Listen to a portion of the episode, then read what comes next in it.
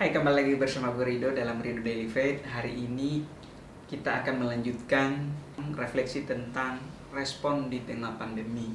Hari ini gue ingin bagikan tentang bagaimana kita harus mengingat tentang Tuhan yang melampaui ketakutan kita.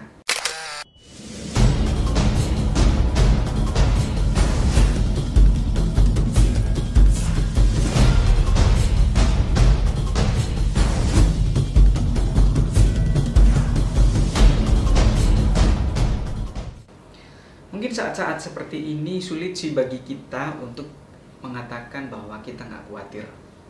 Secara manusiawi tentulah kita ada rasa khawatir dan rasa was-was dalam kehidupan kita. Tapi apakah kita harus tinggal dalam kondisi atau keadaan dalam kekhawatiran seperti ini? Saya rasa kita perlu memikirkan kembali bagaimana kita harus mengingat tentang bagaimana Tuhan menolong kita di masa-masa yang sebelum seperti saat ini. Mungkin kita pernah ditolong Tuhan dalam berbagai hal. Nah, hal-hal seperti ini perlu kita ingat bersama bahwa Tuhan tuh melampaui kekuatan kita, melampaui ketakutan kita. Sehingga ketika kita kembali berserah diri kepada Tuhan, saya percaya Tuhan pasti akan menolong kita, memberikan kita kekuatan untuk kita melewati masa-masa seperti ini. Bukan kita melewatinya dengan kekhawatiran dan ketakutan, tapi kita melewatinya dengan keberanian dan tetap yakin bahwa Tuhan pasti menolong kita. Di samping itu, kita tetap menjaga kesehatan kita, menjaga setiap protokol yang disampaikan oleh pemerintah. Nah, saat seperti ini, kita perlu mengingat kembali bagaimana Tuhan terus menolong kita sampai dengan saat ini.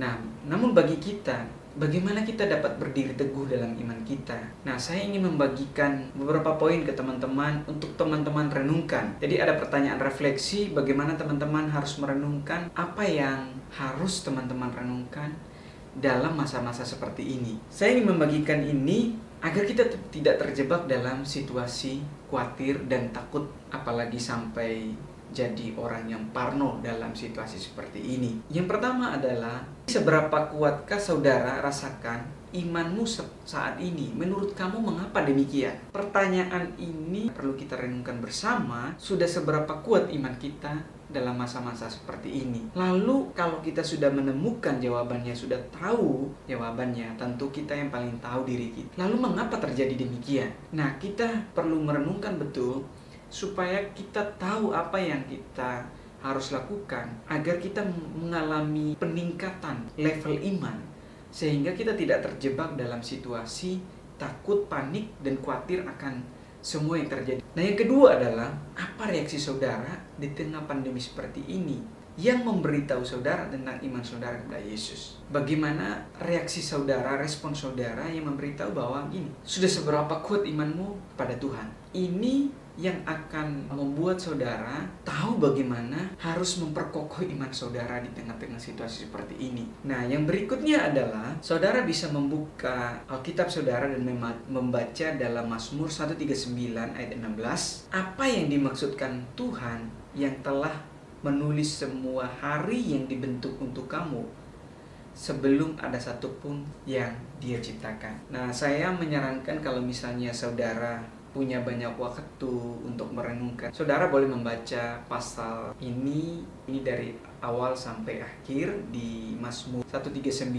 Jadi kita merenungkan betul apa tujuan Tuhan dalam hidupmu. Ini akan menolong kita untuk kita mengerti bahwa Tuhan tuh punya rencana dalam kehidupan kita. Tuhan punya rencana jangka panjang dalam kehidupan kita. Sehingga kita tidak menghabiskan masa hidup kita, apalagi dalam masa-masa pandemi coronavirus seperti ini, hanya dihabiskan dengan kekhawatiran dan ketakutan yang berlebihan. Nah, bagaimana kita merenungkan kembali, Tuhan sudah merancangkan hal-hal yang luar biasa dalam kehidupan kita. Dan kita harus merenungkan itu. Ada maksud Tuhan yang dalam jangka panjang dalam kehidupan kita. Dan kita harus menjalani menjalani masa ini sesuai dengan apa maksudnya Tuhan dalam kehidupan kita. Nah, yang keempat adalah apa arti kata-kata itu bagi Anda pada hari-hari terakhir, kapan pun itu datangnya waktu cepat atau lambat, luangkan waktu saudara untuk berdoa agar Allah Roh Kudus akan memateraikan setiap kebenaran firman Tuhan ini di hatimu, kiranya firman Tuhan dapat mengubah hati dan pikiran saudara, mengubah hari-harimu menjadi hari-hari yang penuh makna dan tidak menjadi hari-hari yang sia-sia. Setiap janji Tuhan yang ada dalam firman itu, saudara renungkan apa arti kata-kata itu bagi saudara. Dan walaupun kita nggak tahu kapan datangnya hari terakhir dalam kehidupan kita, mari luangkan waktu untuk berdoa. Mari luangkan waktu untuk menyampaikan setiap isi hati kita kepada Tuhan. Dan biarlah setiap kebenaran yang kita renungkan, Roh Kudus memateraikan itu dalam kehidupan kita. Dan biarlah firman itu dapat mengubah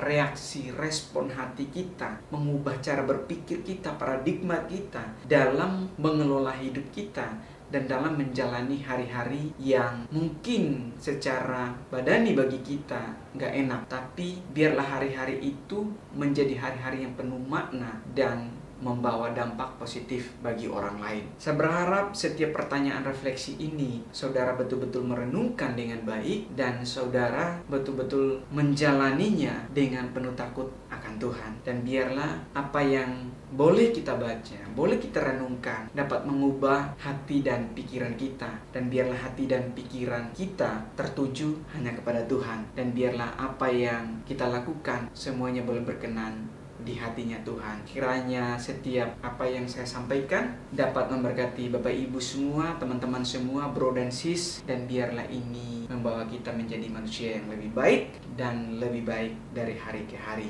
Oh ya bro dan sis, jangan lupa untuk terus dukung channel ini, jangan lupa like dan komen, share juga video ini menjadi berkat buat orang lain. Thank you, God bless you.